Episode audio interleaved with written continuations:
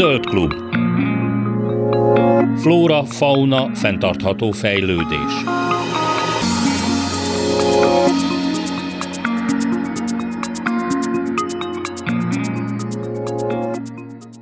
Kellemes délutánt kívánok, Laj Viktoriát hallják. Hétfőn debütált a Dunán a RoboCollect nevű hulladékgyűjtő és folyótakarító hajó, amit a Future Plastic Kft. és szakmai partnerei fejlesztettek ki. Gyalai Korpos Miklós, a Future Plastic Kft. projektvezetője van velem a vonalban. Jó napot kívánok! Jó napot kívánok, üdvözlöm a hallgatókat!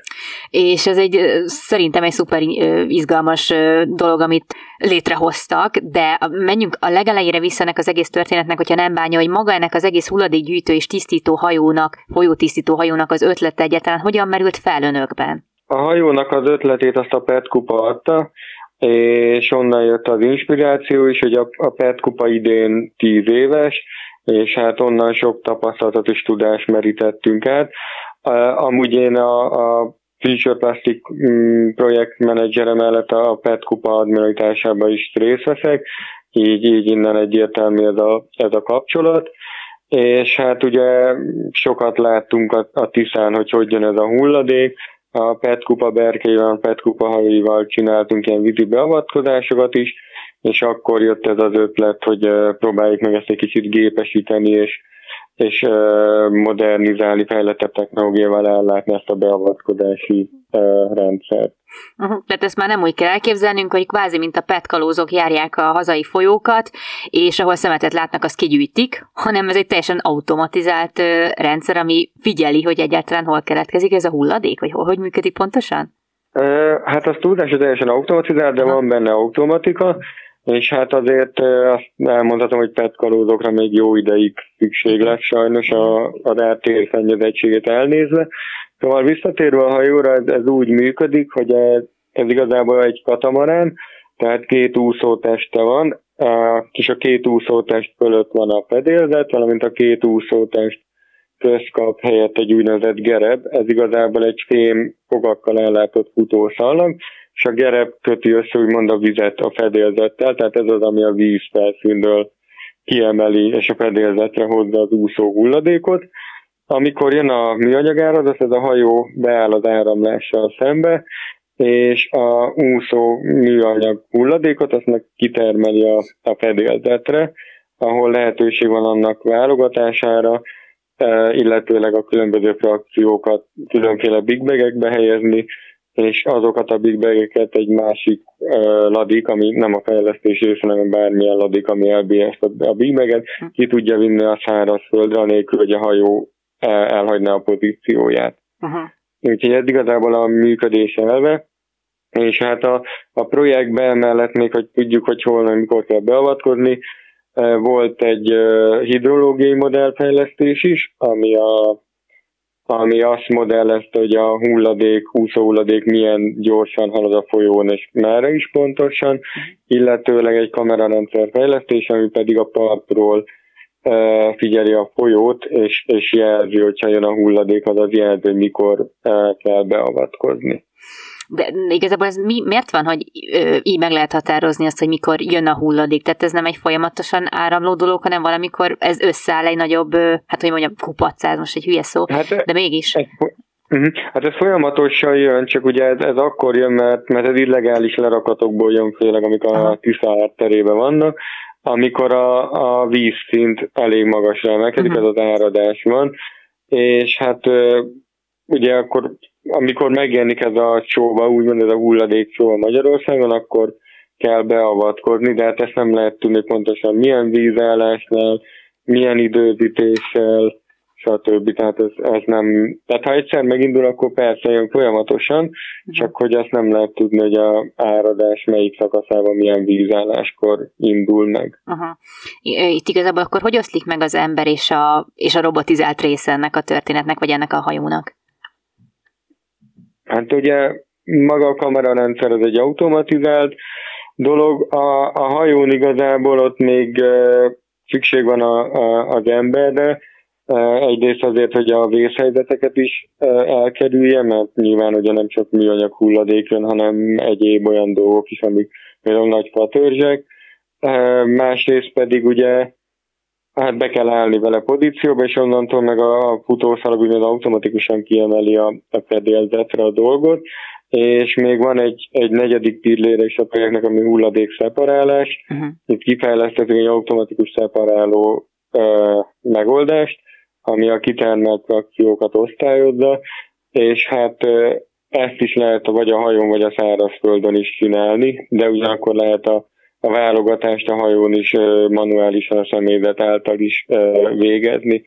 Tehát vannak ebben bizonyos automatizálási lehetőségek, de lehet manuálisan is, de hát azt meg kell mondani, hogy attól még valószínűleg messze vagyunk, csak úgy, mint az önvezető autók esetén, hogy ez egy teljesen automatizált uh-huh. rendszer legyen.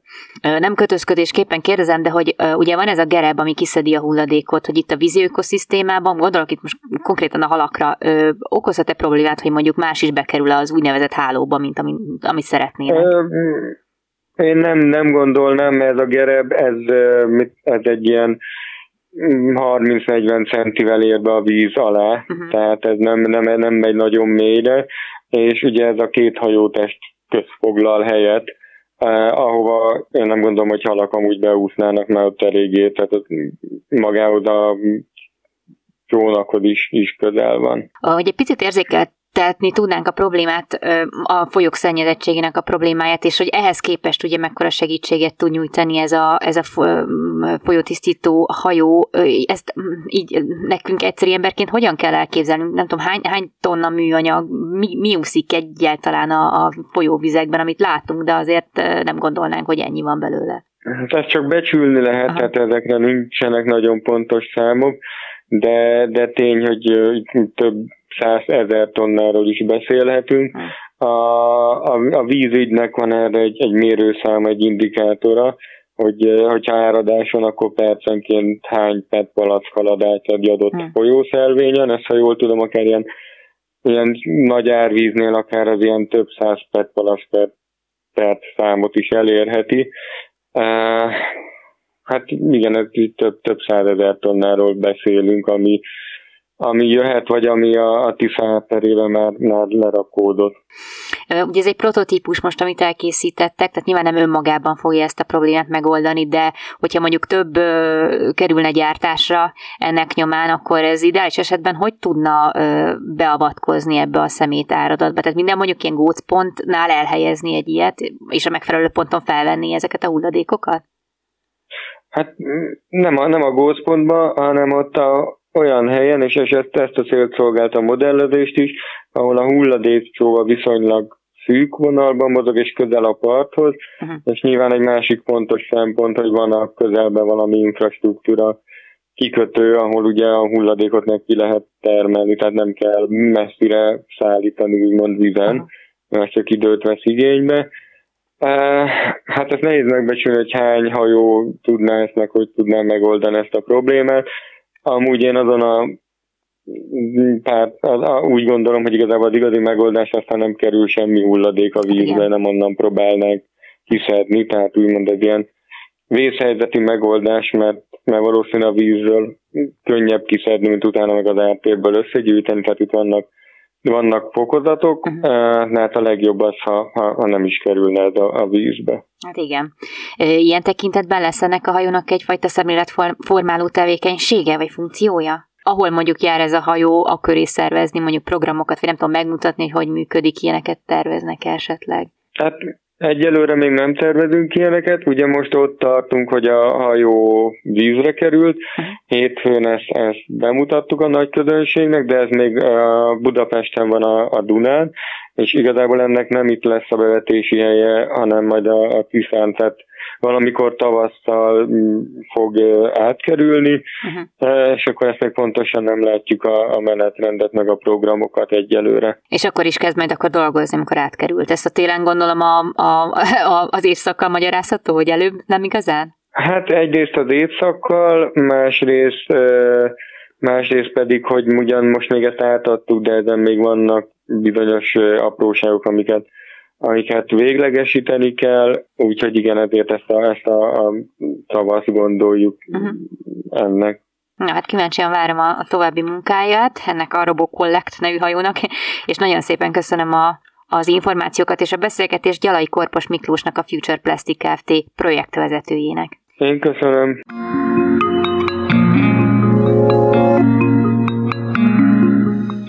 Most teljesen más témával megyünk tovább. A kutyák egészségének megőrzésében nagy szerepe lehet a gyógynövényeknek.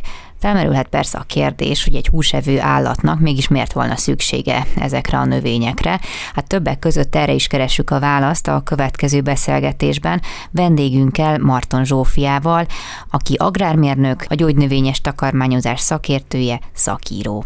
Mik volnának az alappillérei annak, hogy egy kutyának, házi állatunknak az egészségét megőrizzük? Nagyon fontosnak tartom azt, hogy a kutya étrendje rendben legyen, és ez alatt azt értem, hogy nem feltétlenül a háztartási maradékokat etetik a kutyával, hanem a kutyának, mint állatfajnak megfelelő étrendet, tehát alapvetően hús alapú étrendet. Ami nagyon nagy probléma, hogy nagyon sokan gabonát, tehát kenyérféléket, kekszet, tésztákat is etetnek a kutyával, amit a kutya szervezete nem jól tolerál, nem tud gyakorlatilag normálisan megemészteni, gyulladáskeltő anyagok vannak benne, már ott kezdődik, hogy fogkő alakul ki tőle, ha bejebb megyünk az emésztőcsatornában, akkor bélgyulladás. Tehát, hogyha ez az alfája az egészségmegőrzésnek, és ez nincs rendben, akkor innentől kezdve toldozni, fordozni lehet az emiatt kialakuló lyukakat, tehát a betegségeket. Tehát ezen az első, hogy az étrend rendben legyen.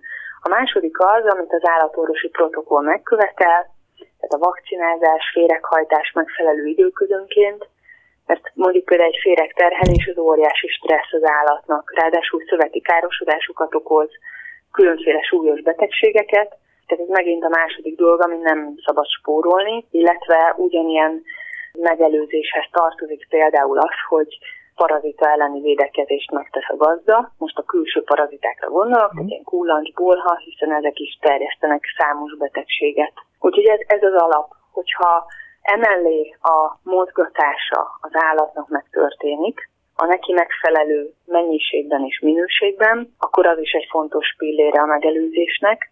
Gondoljunk egy idős kutyára, nem szükséges neki 60 kilométert leszaladni egy héten, de az, hogy naponta elviszik egészségügyi sétára, az egy fontos dolog. Ugyanilyen a kölyök kutya. Tehát vannak például szabályok, hogy x hónapos korig nem viszik utcára, mert megbetegedhet, és sok gazdánál ez úgy csapódik le, hogy akkor a kanapén csörög a kutya.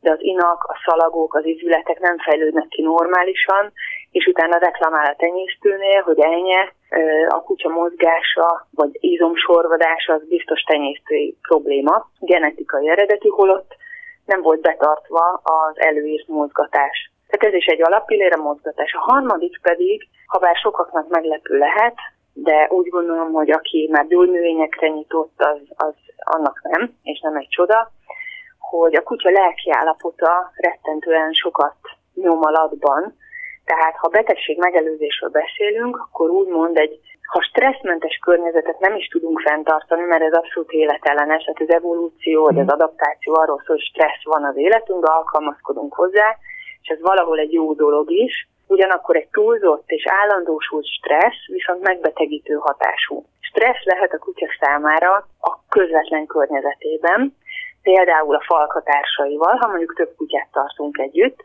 egy nem stabil hierarchia sorrend, ahol nem arról van szó, hogy van egy domináns, és azt elfogadják a többiek, és akkor nyugalom van, béke van, mindenki tudja, hol a helye, hanem mondjuk, ha van két domináns a csapatban, és azok állandóan ö, szitoktatják az erejüket, próbálnak előfölénybe kerülni, ez stresszhormon termelődéssel jár. És megvan, hogy például a kortizol, ami stressz esetén termelődik, milyen élettani változásokat idéz elő, akár például az emésztőszervekben, most, hogy egy példát kiragadjak a sok közül, vagy egy hatását, tehát amikor stressz van, akkor nem jól emésztünk, ez kutyára, emberre, bármilyen állatra igaz, Ilyenkor megváltozik az emésztőnedvek összetétele, nem úgy termelődik a könnyebben kialakul gyomorfekély például, ez egy gyakori dolog. Tehát a stressz egyik forrása a falkatársaktól jön, a másik forrása pedig a, a gazdától. Ez is nagyon gyakori, itt szeretném felhívni a figyelmet, ha bár nem vagyok etológus, nem is szeretnék idegen tollakkal ékeskedni, de hozzánk sok olyan eset jön be, amikor ezt elmondjuk, és nagyon rácsodálkoznak, hogy ha a kutya nincs a rangsorban a neki megfelelő helyem, és ezt szögezzük le az elején, hogy nem a rangsor elsőnek kell lenni a kutyának, akkor gyakorlatilag ő benne állandóan stresszhormonok termelődnek. Most ezt értsük úgy, hogy a falka vezér, mindegy, hogy kétlábú ember vagy kutya, állandó készenléti állapotban van. Az izmok megfeszülnek, ugrásra kész, állandóan éber, figyel, tehát ez semmiképpen nem egy ellazult nyugalmi állapot. Márpedig ezt az állapotot hosszú ideig fenntartani rengeteg energia a szervezetnek. Idővel gyengíti az immunrendszert, és meg itt lehet sorolni az összes többit, de csak hogy az elvet megértsük, hogyha a kutya a rangsorban elő van, és ennek megvannak a jelei, például ő megy ki először a kijáraton, bejáraton, nem várja meg a soráltetetéskor, hanem tolakszik. Például, amikor megjön a gazda, akkor felugrál rá. Ez is egy dominancia jel. Persze sokan úgy értelmezik, hogy örül nekem a kutya, hogy megjöttem.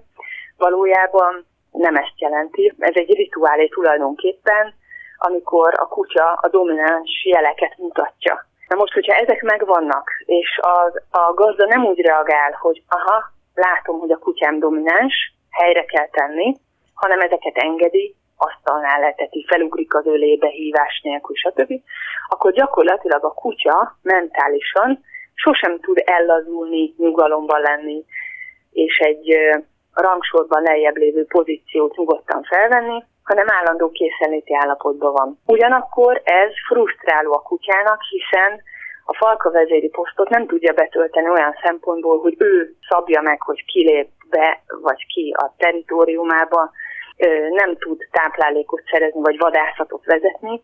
Tehát ez egy ilyen meghasonlott állapot igazából a kutyának, ami előbb-utóbb, és nem is olyan sok idő elteltével, néha hónapok, néha évek, megjelenik először a hormonrendszer, aztán az immunrendszer és az emésztőrendszer zavaraiban.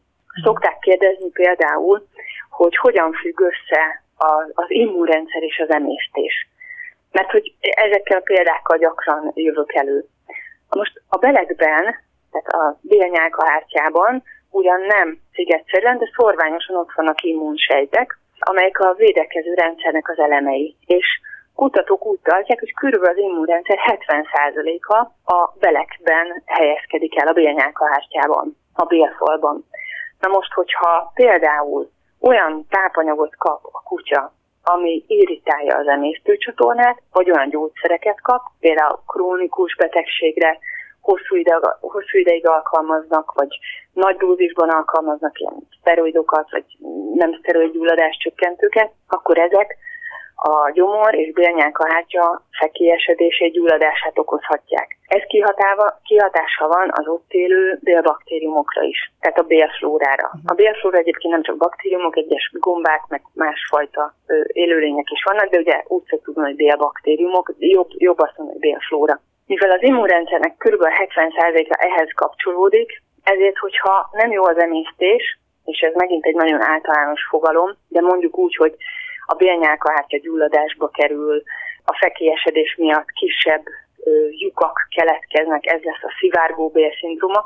Ha ez a folyamat elindul, akkor onnantól kezdve az immunrendszer először túlreagálja a dolgokat, hiszen rengeteg olyan anyaggal találkozik, amik mondjuk a szivárgó bélen keresztül bejutnak a keringésbe, ami testidegen anyag, mondjuk ilyen nagyobb fehérje molekulák, baktérium, toxinok, ezt tetőzi meg az, amikor a bélflóra egyensúlya is felborul, és tömeges elhulláson mondjuk a bélbaktériumok között, ezeknek az elhullott baktériumoknak a teteméből toxinok, mérgek szabadulnak föl, azok nagy része is felszabadul, és bejut a vérkeringésbe, és ezek a toxinok a vérben oké, okay, hogy először a májban landolnak, és a máj biotranszformáció során megpróbálja átalakítani, semlegesíteni ezeket, de nem sikerül mindent, és ezek aztán mennek tovább, és károsítanak más belső szervekben, akár az idegrendszernél, a szemnél, illetve jellemzően olyan helyeken gyűlnek fel, ahol pang egy kicsit a vérkeringés, tehát mondjuk lábvégekben,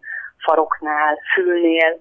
Ezért van az, hogy az ilyen mérgek okozta helyi gyulladások, mikrogyulladások, ilyen pangó keringésű helyeken jelennek meg először, és akkor a kutya rágni kezdi magát, viszket neki vakarózik, Ebből már jön az, hogy másodlagosan esetleg el is fertőződik a seb, mert kivakart a vérzet, stb. De mindez onnan indult ki, hogy nem volt rendben az emésztése, uh-huh.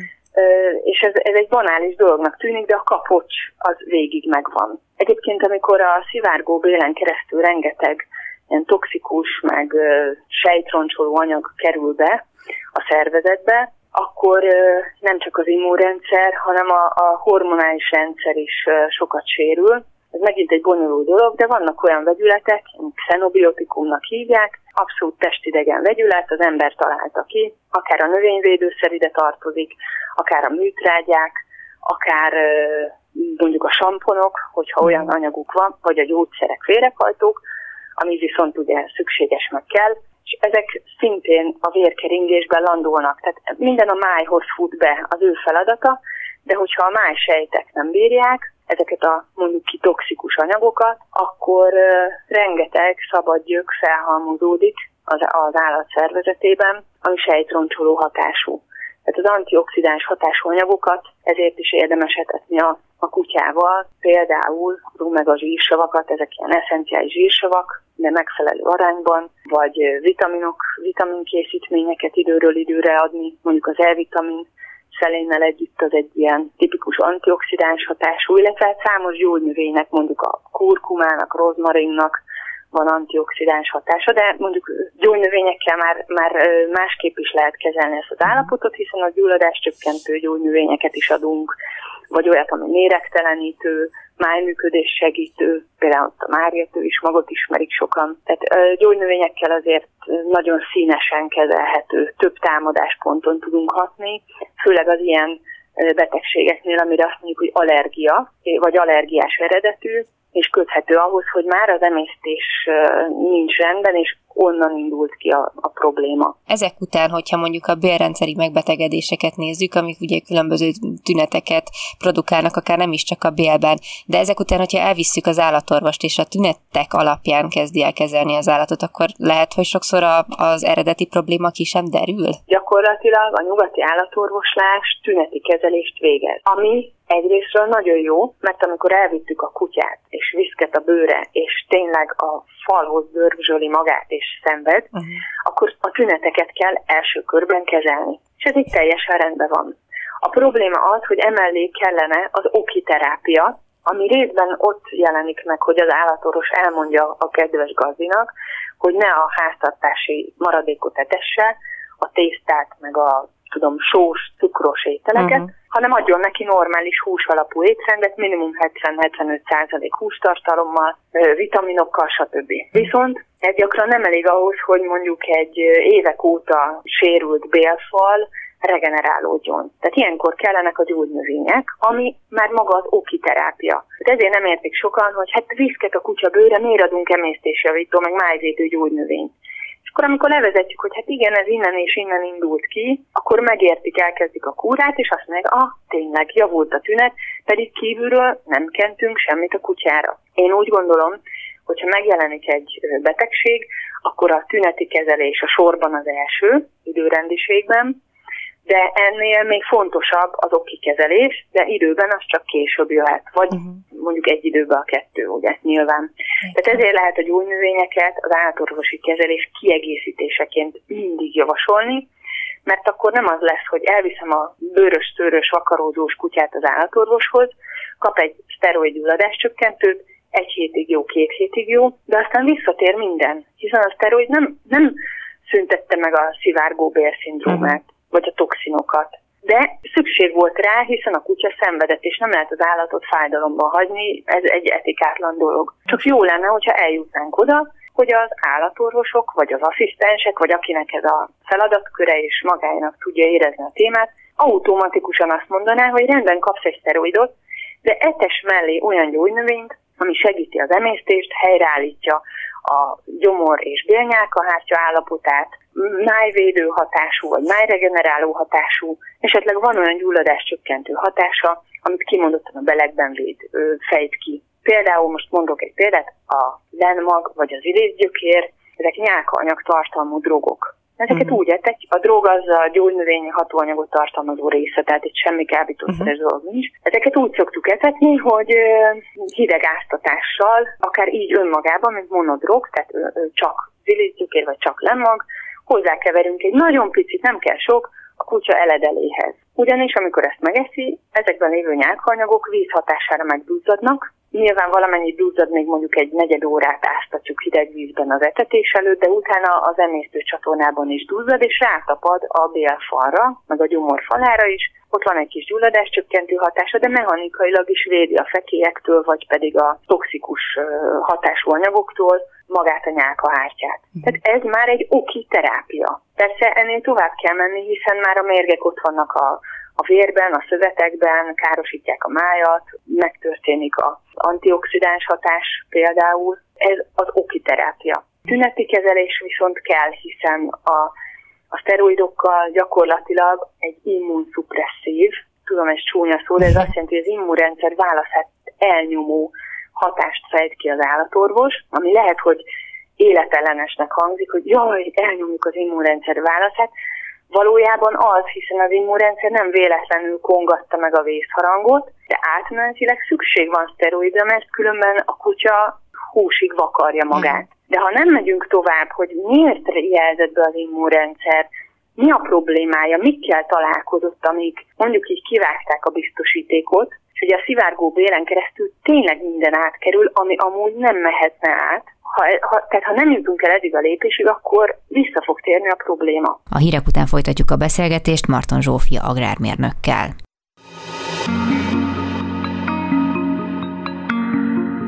Zöld klub. Flóra, fauna, fenntartható fejlődés. Üdvözlöm újra a hallgatókat, és folytatjuk a beszélgetésünket Marton Zsófia agrármérnökkel arról, hogy miért jók a gyógynövények a kutyák egészségének a megőrzésére.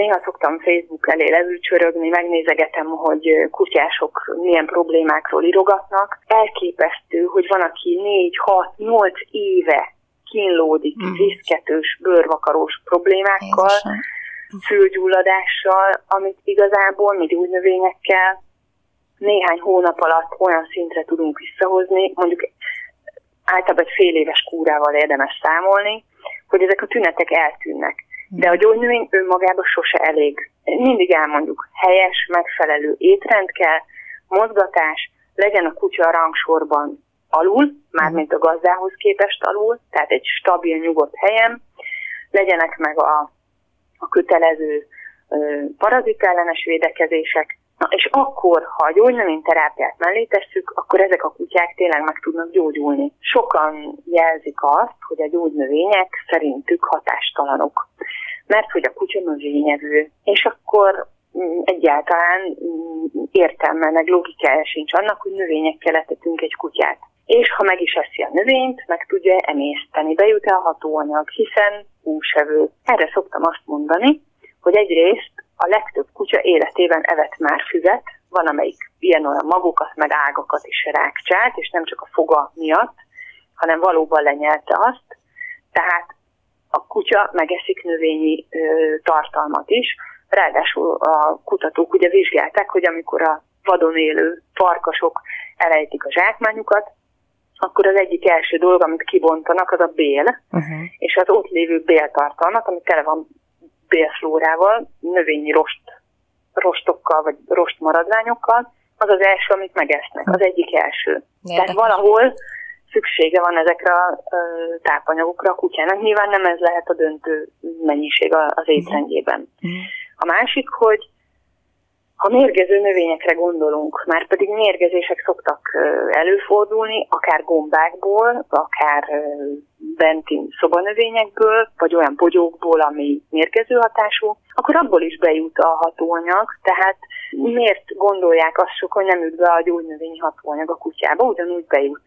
Uh-huh. A harmadik pedig a tapasztalat. Tehát évek óta etetünk gyógynövényekkel kutyákat, szépen jönnek a visszajelzések, hogy gyógyult, jobb lett, sokat segített, stb. Tehát aki nem hisz ebben, az ki, ki kell, hogy próbálja, és akkor el tudja dönteni saját maga, hogy lát-e változást, vagy nem. Ugye beszélünk itt erről, hogy ők alapvetően húsevőek, de azért nyilván hasznosul bennük a, a növényi tápanyag is, viszont ugyanúgy kell ezt elképzelni, mint az embernél, amikor gyógynövényhez nyúl, vagy akár te átfőz, vagy gyógynövényeket eszik, ugyanúgy hasznosul, vagy azért eltér? Ezt szerintem senki nem tudja konkrétan megmondani. Uh-huh.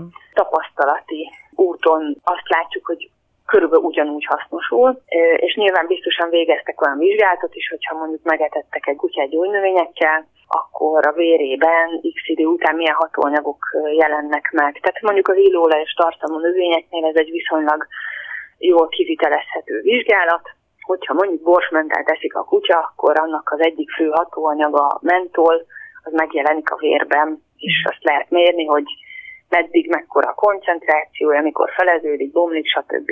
Tehát ilyen szempontból azt mondanám, hogy nagyjából ugyanúgy hasznosulhat, mint az emberben, uh-huh. de így konkrétan kijelenteni, hogy igen, a fűszfakérek szalicilát tartalma pont ugyanúgy hat, mint az embernél, nem merném, de például fűszfakérek tartalmú gyógynövénykeverékeket krónikus fájdalmakra, gyulladásokra etetünk kutyákkal, és jó a hatása. Kitől tud egyébként az ember ebben segítséget kérni? Mennyire van ennek itthon már hagyománya esetleg, hogy, hogy gyógynövényekkel tápláljuk a kutyát, vagy egy kiegészítő módon tápláljuk őket? Egyrészt optimista vagyok, nagyon sok végzett fitoterapeuta van Magyarországon, akik ugye a humán vonalon végeztek, de azért mégis van tapasztalatuk, elképzelésük abban, hogy melyik gyógynövénynek mi a fő hatóanyaga, mire hat, hatásterület, stb. Az biztos, hogy emberről átkonvertálni kutyára így egy egyben nem, nem szabad, nem célszerű, de írtam egy könyvet, gyógynövények kutyáknak a címe,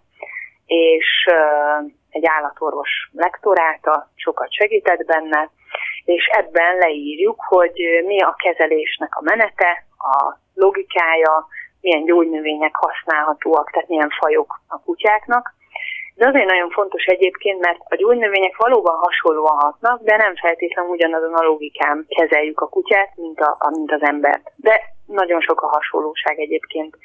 Tehát én azt gondolom, hogy ha egy végzett fitoterapeuta a könyv alapján felkészül, akkor ő onnantól kezdve kisebb, ennyi problémákra tud ajánlani akár gyógynövényeket de ehhez mondjuk fontos, hogy képben legyen a kutya anatómiájával, élettanával, a patológiájával, tehát hogy milyen kutyabetegségek vannak, értse, hogy melyik betegség miért alakul ki, és akkor így, így gondolnám. Tehát egy ideális kom- kombináció az lenne, hogy vagy az állatorvos, vagy az állatorvosi asszisztens elvégez mondjuk egy fitoterapeuta tanfolyamot, ami humán vonalú, de azt már ő a saját tudásával át tudja konvertálni kutyára, illetve megfelelő szakirodalom birtokába, hogy fel tud készülni ezekre a dolgokra. Mi családilag előállítunk komplet gyógynövénykeverékeket, és az a tapasztalatom, hogy amikor ott tartunk, hogy gyógynövénykeverék kutyáknak, akkor 10-ből átlag 8-7-8 ember skeptikus. Uh-huh. Kettő-három abszolút elutasító, mondván, hogy ez egy, egy butaság, ennek semmi értelme, de átlag 7-8 azért úgy nem, nem veszi be könnyen, hogy Aha. gyógynövényeket kellene eltetni a kutyájával ahhoz, hogy helyreálljon a rend. Viszont az a maradék 2-3 a 10-ből, az viszont nagyon lelkes, és ott nagyon jó eredményeket is érünk el. Tehát azt mondanám, hogy nem, nem egy köztudatba beférkőzött és teljesen általánosan elterjedt dolog gyógynövénye etetni a kutyát, de előbb-utóbb nem lesz más választása annak, akinek krónikusan beteg a kutyája, előbb-utóbb rá fog jönni, hogy csak gyógyszerekkel, csak étrendi váltással nem biztos, hogy eléri, vagy nem olyan gyorsan éri el a hatást, és ha látják a kutyások, hogy na hát a szomszédnak a kutyája így lett jobban, látják az eredményeket, vagy hallják, olvassák, akkor ki fogják próbálni. Egyébként személyes véleményem még az, hogy lovaskörökben én 2005-ben kezdtem erről írni, publikálni anyagot, és akkor ott ugyanez volt. Tehát pedig a ló gyógynöv, vagy a ló növényező állat hát igen. mégis óriási ellenállás volt, hogy jaj, a lónak gyógynövény, hát nem is hatnak a gyógy, hatástalanok. Uh-huh. Azért, amikor takarmánytoxikológiáról beszélünk, és a mérgező növényeket soroljuk, vagy az antinutritív növényeket, akkor bizony el lehet gondolkodni, hogyha negatív irányban ekkora hatást tud kiváltani egy úcska kis gyom meg gaz, akkor talán gyógyhatásban is e, tudja ezt. Viszont amit én problémának látok, e, a sarlatánság, ez, ez sajnos mindenhol jelen van egyébként, teljesen mindegy, milyen szakmáról beszélünk. Itt ugye az a gond, hogyha valaki nem ért hozzá, ajánl két-három olyan gyógynövényt, ami hatástalan, vagy valaki otthon megpróbálkozik, ezt éppen tegnap olvastam, hogy csalánlevéllel etet egy artrózisos kutyát, és azt mondja, hogy hát nem vált be. Erre én azt mondanám, hogy nem a csalánlevél nem válik be, hanem az ő tudása, felkészültsége, és felelősség azt írogatni akár egy közösségi oldalon, akár kinyilatkoztatni, hogy a gyógynövények hatástalanok, mert nekem nem jött be, akkor ott arról van szó, hogy attól, hogy én be tudok csavarni egy villanykörtét a lámpába, attól még nem gondolom, hogy tudok villanyt szerelni. Vagy azért, mert mondjuk be tudok adni egy izomba egy injekciót egy lónak, nem fogom magam kikiáltani rögtön állatorvosnak. Mm. Tehát azt kellene látni az embereknek, hogy míg nagyanyáink, meg az ő nagyanyáik kiméltek erdőn, mezőn, és generációról generációra kaptak tudást a növények erejéről, addig mi ma a panellakók, meg házlakók igazából az internetről vagy könyvekből elolvassuk, hogy mi mire jó, és hogyha azt kipróbáljuk és nem működik, akkor azt gondoljuk, hogy á, aki ezt írta, az csak pénzt akart keresni, meg csak át akart venni bennünket. Holott arról van szó, hogy nem mindegy, milyen receptet adunk a kutyának, milyen gyógynövényeket keverünk össze, milyen arányban, meddig, és a másik fontos, hogy minden betegség kezelésében van egy stratégia. Tehát a betegségeknek van egy élettartama, egy, egy életciklusa. Most uh-huh. ez talán így furán hangzik, sőt hozzáteszem, minden betegségnek energetikája van. Legalább annyi, hogy hideg vagy meleg, nedves vagy száraz. Ha ezt nem veszük figyelembe a fitoterápiás kezelésnél, akkor nem fogunk sikert elérni. Mai napig probléma, hogyha egy bőrgyulladásos kutyának gyógynövényt kérnek, el kell magyarázni, persze én ezt szívesen teszem, hogy mi a különbség a nedves és a száraz bőrgyulladás között. Hogy a nedvesnél genkeltő baktériumok jelenléte figyelhető meg általában fülgyulladással társul, azért nedves, mert van geny, váladék. A száraznál pedig ez nincs. Ezért van nekem például két receptem bőrgyulladással, az egyik a nedvességet szárítja, a másik viszont nem szárít, mert akkor még rosszabb lenne a betegség, hanem ott egy folyadékháztartásra ható keverékről beszélünk, ami ugyanúgy bőrgyulladása van, de ott az nem szárít. És ez nagyon fontos. Vagy mozgásrendszeri tüneteknél nem mindegy, hogy hideg vagy meleg az állapot. A hideg például hideg sántaságnak hívom, ezt persze idézőjelbe, hiszen ez nem egy szak kifejezés, uh-huh. de segít megérteni, hogy az az állapot, ami hideg és hidegre romlik, például a téli hidegben az öregeknek az izületi merevsége, az egy hideg sántaság. Ott nem adok olyan gyógynövényt, amivel hűtöm a kutyát, hanem adok neki kurkumát, fokhagymát, fahéjat, aminek ezeknek melegítő eh, hatása van, részben a lokális vérkeringést fokozzák, részben máshogy, tehát az, most ebben nem megyek bele. De van a, a meleg sántaság, amikor ahogy a kutya mozog, terheli magát, a vérkeringés serken, tehát melegszik az izület, a gyulladás belobban. Erre nem fogok olyan gyógynövényt adni, amivel tovább melegítem, hanem olyat adok inkább, ami hűti, kivezeti. Ez a kínai orvoslásnak a szemlélete, egyébként én így készítettem el a recepteket, nem kell egy kutyásnak tudni ezt, de azért azt igen, hogy hideg vagy meleg a sántaság, uh-huh. terhelése, mozgatása romlik, vagy pedig terhelése, mozgatása, bemelegedése javul. Mert ez, ez nagyon fontos a gyógynövényes kezelés szempontjából. Hát ahogy hallom, ez egy borzasztóan komplex dolog, amit igazából szerintem az is probléma lehet, hogyha az ember hall a gyógynövényekről, és ahelyett, hogy szakemberhez tanácsadásért fordulna, inkább elkezdi begyűjteni az internetről a különböző gyógynövények jótékony hatásait, majd ő úgy dönt, hogy kotyvasz valamit otthon az állatnak, és lehet, hogy adott esetben rosszabbat is tesz vele, hogy azért ezt mindenképpen Igen. el kéne kerülni, gondolom. Igen. Az a tapasztalat, hogy 10-ből 8 esetben vagy rontanak a helyzeten a gazdik teljes jó indulattal, mm. vagy semmit nem érnek el. Ilyenkor az a kérdés, hogy az illető azt mondja, hogy jó, én nem értem el, de olyanhoz fordulok, aki ért hozzá, vagy dühösen leírja a Facebookon, hogy a gyógynövények hatástalanok és rosszak. Én ugye az utóbbiért egy kicsit haragszom, az előbbiért meg annak meg örülök nyilván. Tény és való, hogy nagyon összetett a téma, ezt a részt nem szokták hangsúlyozni. Én úgy gondolom, hogy a gyógynövények hatóanyagai és azoknak a hatásmechanizmusai az másodlagos, ahhoz képest, mint ami a gyógynövények energetikája.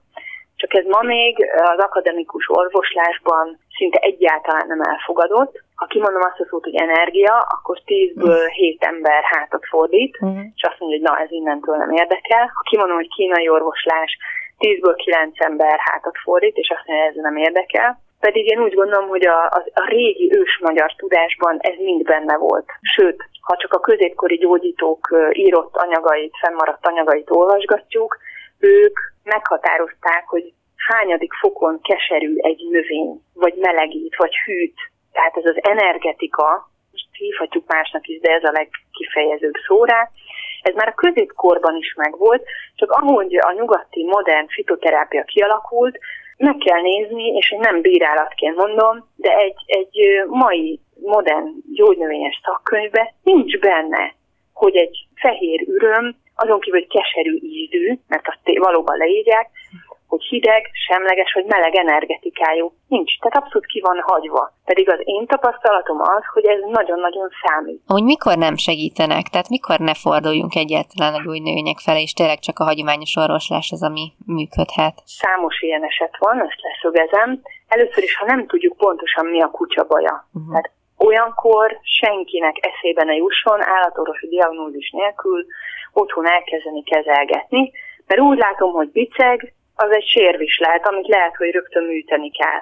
Hogy jaj, hány, visszahányt egy kicsit a, ételből, bármi lehet, hogy egy kicsit vérzik az orra, nem. Tehát azonnal állatorvosi diagnózis, ez az alap. Addig semmi gyógynövény. Ha az állatorvosi diagnózis egy akút fájdalommal, mondjuk így szenvedéssel járó betegséget diagnosztizál, és gyógyszeres terápiát ír fel, akkor azt a nyomvonalat el kell kezdeni, mert az állatorvos szava szent és sérthetetlen.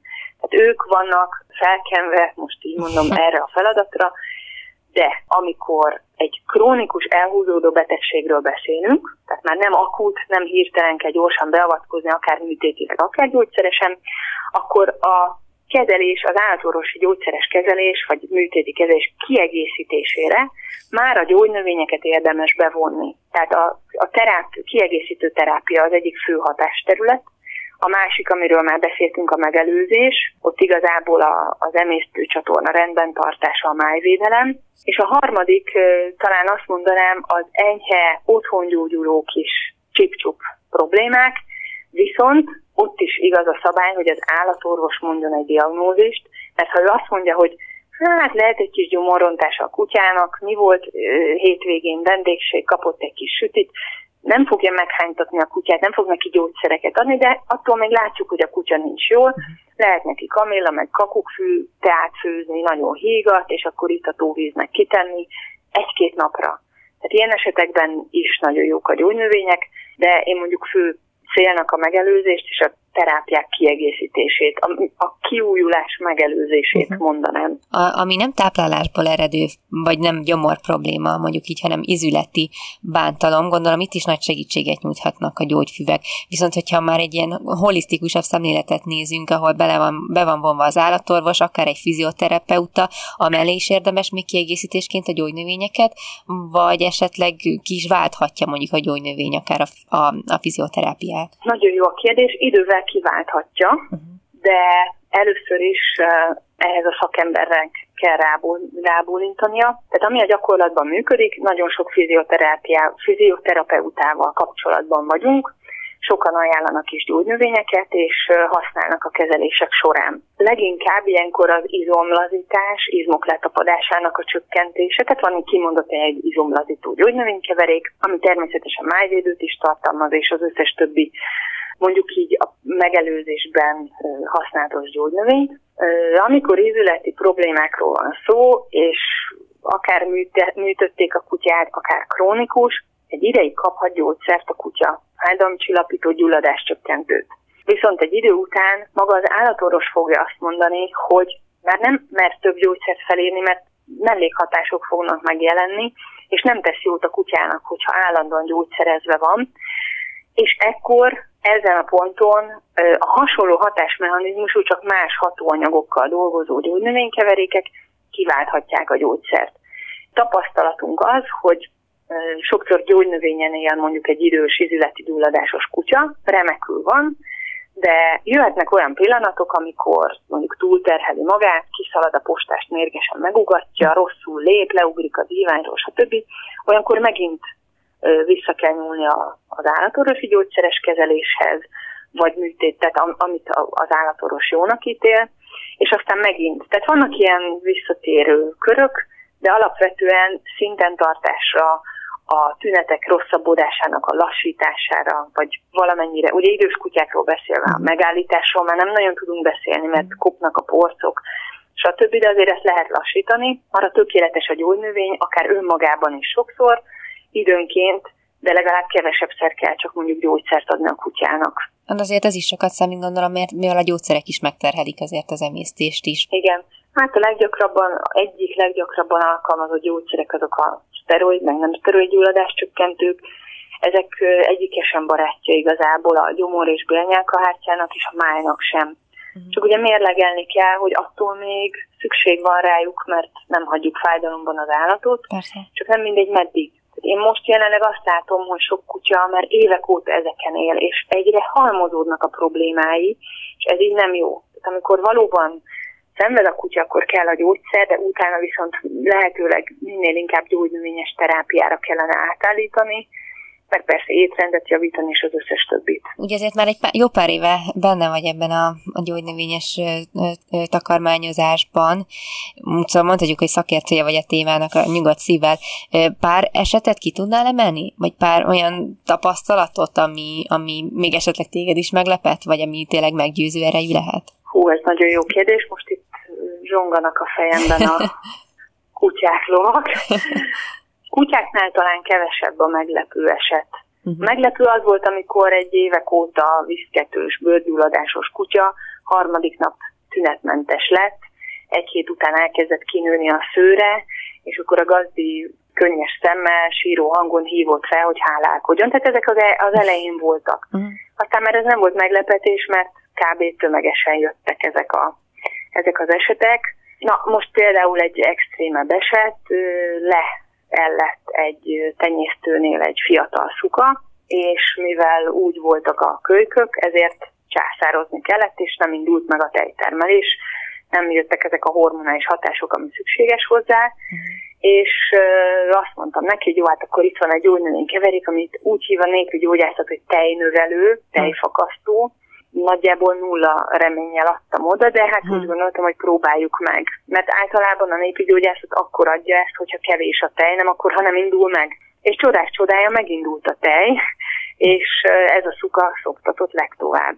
Tehát azért vannak ilyen meglepetések, illetve légzőrendszeri problémáknál, amikor nehezített a kutya légzése, mondjuk az egy viszonylag ritkább állapot, ez, ez lovaknál nagyon-nagyon gyakori, ö, olyankor szokott ö, előfordulni, hogy tehát néhány nap alatt kifejti a hatást. Uh-huh. És azért mondom, hogy meglepő, mert ugye a gyógynövényekről mindig azt mondjuk, hogy hosszú idő kell, hogy kifejtsék a hatásukat, holott ez egyáltalán nem igaz. Mondom, van, hogy három nap után teljesen megszűnnek a tünetek, amik évek óta fennálltak, úgy, hogy gyógyszerrel kezelték a kutyát, uh-huh. rendszeresen volt állatorvosnál kontrollal, mert egyszerűen nem a bőrére koncentráltunk, hanem az emésztőrendszeri gyulladásra mondjuk, vagy a májvédelemre. És onnantól kezdve a szervezet önmaga gyógyította magát, tehát egy, egy túlterhelt máj miatt sose fog bekövetkezni a gyógyulás, de hogyha a májat segítjük, akkor önmaga képes helyreállítani ott mondjuk így a méreganyagokkal kapcsolatban a, a rendet. Tehát kutyáknál nagyon sok meglepetés nem nem született, talán azért, mert lovaknál már kilőttük a sok meglepetést, de mondjuk mindig jó hallani, hogyha egy idős kutya, ami már nem akar fölállni, meg nyűszög, meg nincs kedve, meg fénytelen a förzete, egy hét múlva a gazdi beszámolója alapján élénken ugrabugrál, rohangál, és jókedvű, és csillog a szeme, és visszatért az élet.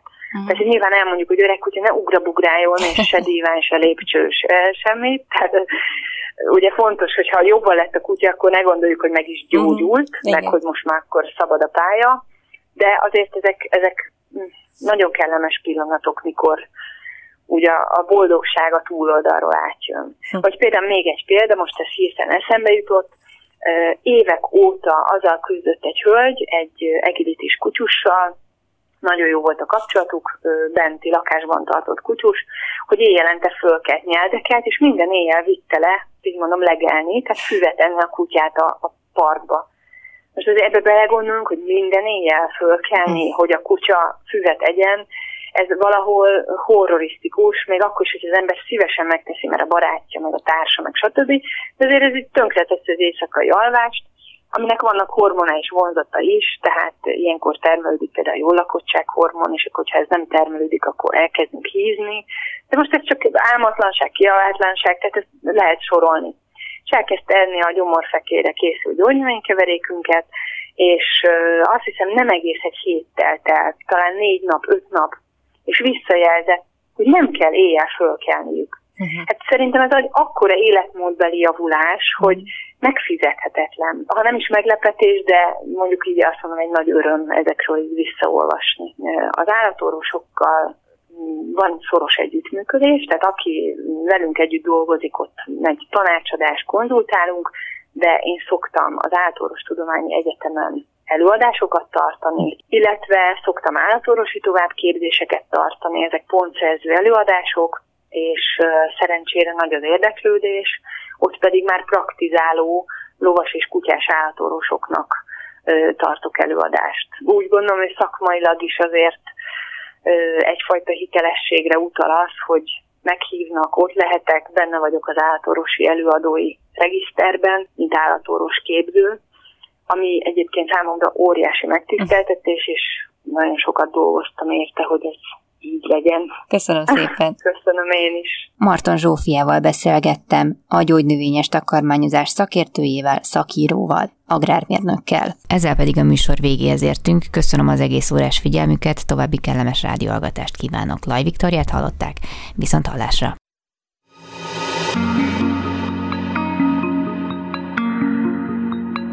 Flóra, fauna, fenntartható fejlődés. A Zöld Klub adását hallották.